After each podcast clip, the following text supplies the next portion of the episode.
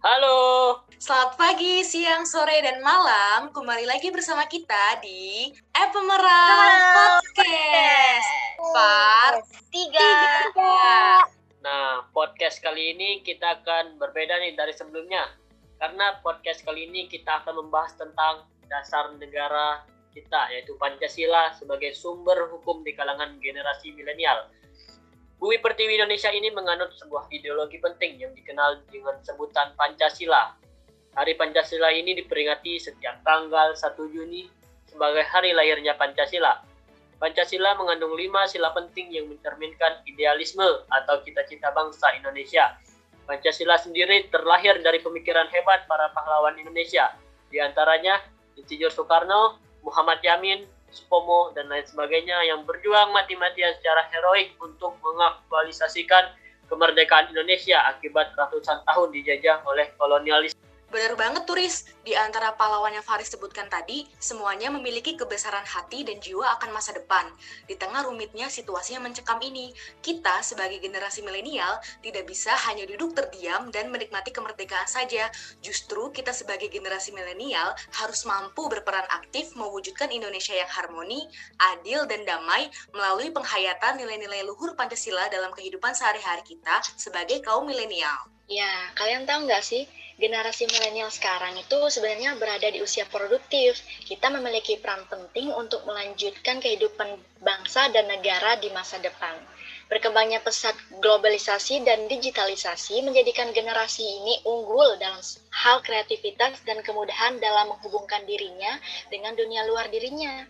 Sayangnya, keunggulan ini banyak dilihat milenial sebagai sesuatu yang membuka ruang untuk menginginkan segalanya. Serba instan dan interaksi antar budaya yang terbuka mengakibatkan generasi ini mudah dipengaruhi oleh pikiran dan perilakunya yang dinamis dan fleksibel. Maka di titik inilah Pancasila relevan dan berperan penting untuk kita generasi milenial. Menurut saya sendiri, eksistensi Pancasila untuk generasi milenial dapat menjadi jembatan emas dalam membangun batas apa yang bisa diterima dari pengaruh luar yang negatif dan merugikan. Dengan luar biasanya ideologi Pancasila ini, kita menempatkan ketuhanan yang Maha Esa sebagai sila pertama, berguna untuk memperingatkan generasi milenial bahwa ada Tuhan sebagai pusat dari kehidupan segala sesuatu dalam bentangan dunia ini kecanggihan teknologi tidak akan pernah menggantikan kehebatan Tuhan. Dan memiliki iman yang kuat pada Tuhan menjadi sebuah keharusan. Generasi milenial harus sadar bahwa semuanya milik Tuhan, sehingga kesombongan dalam diri manusia bisa terminimalisir dan berusaha untuk selalu mengambil manfaat positif dalam setiap kemudahan, bukan untuk mengambil kekuasaan, apalagi menggunakan kekuasaan secara wenang-wenang dalam kekuasaan. Kekuasaan Tuhan melampaui kekuasaan manusia. Dan juga Pancasila harus dijadikan acuan bagaimana generasi milenial dalam menjalani hidup bermasyarakat, berbangsa, dan bernegara dalam relevansinya dengan sila kedua. Di mana kalau milenial Indonesia harus dengan bijaksana, harus selalu adil dalam pikiran dan perilaku etis pada sesama. Tidak menggampangkan segala sesuatu dan terus berbuat kebaikan yang mementingkan kepentingan umum demi kebaikan bersama. Nah, Generasi milenial ini juga harus sadar diri untuk selalu bersinergi menciptakan persatuan dan kesatuan bangsa Indonesia seperti yang tercantum di sila ketiga melalui sikap toleransi akan perbedaan dan memegang teguh pendirian yang tidak bisa diacak oleh bangsa luar. Sesama bangsa Indonesia, generasi milenial harus bergotong royong mengangkat derajat bangsa Indonesia lebih tinggi daripada negara lain untuk menunjukkan bahwa Indonesia bukan negara lemah yang gampang terjajah, akan tetapi negara yang kuat karena generasi penerusnya mampu bersatu memajukan Indonesia lebih baik di tengah tantangan global masa kini. Nah, benar banget yang Mozart bilang, bahwa generasi muda milenial juga harus bersikap demokratis dengan mementingkan aspek musyawarah untuk mufakat dalam pengambilan keputusan. Keputusan ini tidak boleh diambil secara otoriter, namun hasil kesepakatan dan musyawarah bersama. Juga dalam sila kelima, anak muda milenial ini harus mengusahakan keadilan sosial, seperti perlu mengkritik struktur sosial, ideologi, politik dalam negara, dan masyarakat yang menciptakan ketidakadilan sosial bagi rakyat Indonesia. Maka dari itu, pada hakikatnya generasi milenial ini harus terus memelihara dan mengamalkan Pancasila dalam kehidupan nyata sehari-hari.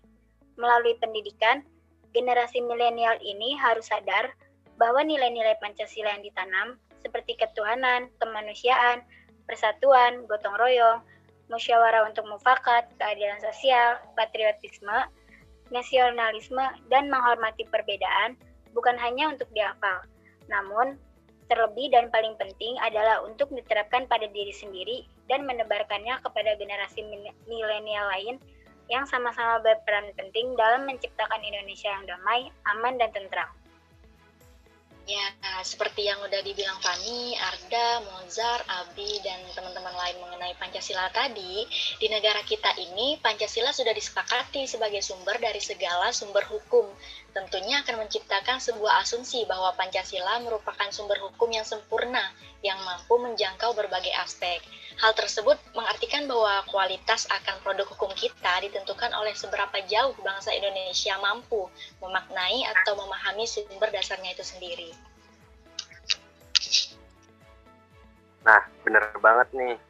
Akan tetapi yang menjadi permasalahan saat ini adalah semakin lama pemahaman terhadap nilai-nilai Pancasila sebagai sumber hukum justru semakin memudar.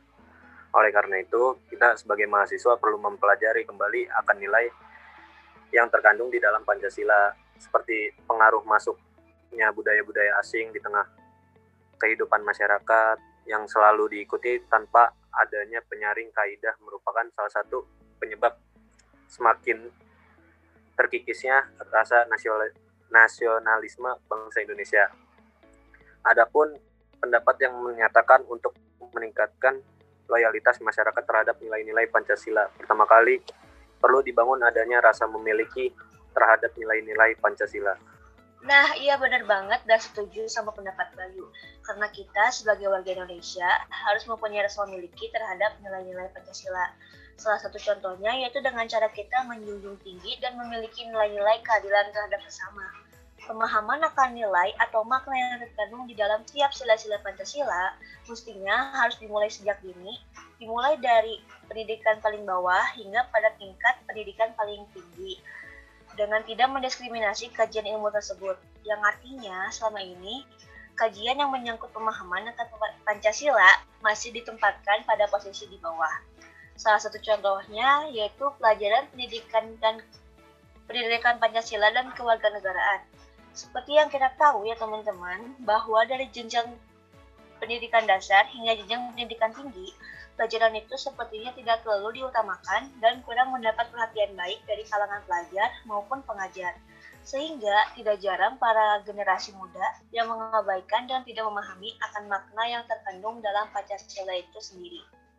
Nah, jadi di sini pemahaman yang benar akan nilai-nilai yang terkandung di dalam Pancasila merupakan suatu langkah awal untuk menumbuhkan rasa cinta tanah air di dalam diri warga Indonesia, serta mendorong tumbuhnya rasa rela ber korban dan selalu ingin mengabdikan diri kepada bangsa dan negara. Khususnya, pendidikan formal mestinya mampu memberikan porsi yang istimewa terhadap mata pelajaran atau mata kuliah yang menyangkut pemahaman nilai-nilai Pancasila. Sehingga diharapkan setiap generasi dapat mengerti akan cita luhur yang terkandung dalam Pancasila. Dari hal tersebut, maka setiap perumusan suatu produk hukum akan didasari rasa mencintai bangsa yang akan berdampak pada keinginan untuk memberikan sesuatu yang terbaik terhadap bangsa dan negara, sehingga kebijakan apa pun yang menyangkut kepentingan negara akan ditunjukkan kepada kesejahteraan warga negaranya. Akan tetapi, akan muncul saat ini adalah berbagai produk hukum maupun kebijakan yang lain seolah-olah hanya mengakomodasikan kepentingan kelompok atau golongan tertentu saja. Oleh karena itu, marilah kita maju ke depan dengan membawa obor yang dapat menyalakan api semangat membangun Indonesia Jaya pada kehidupan lebih baik lagi di masa yang akan datang. Nah, kita sudah sampai nih di penghujung podcast nih teman-teman. Nah, sebelumnya nih mau terima kasih buat kalian yang sudah menjadi pendengar setiap podcast kita dari awal hingga akhir. Sampai ketemu di Ephemeral Podcast episode selanjutnya. Dadah guys. Dadah. Bye-bye.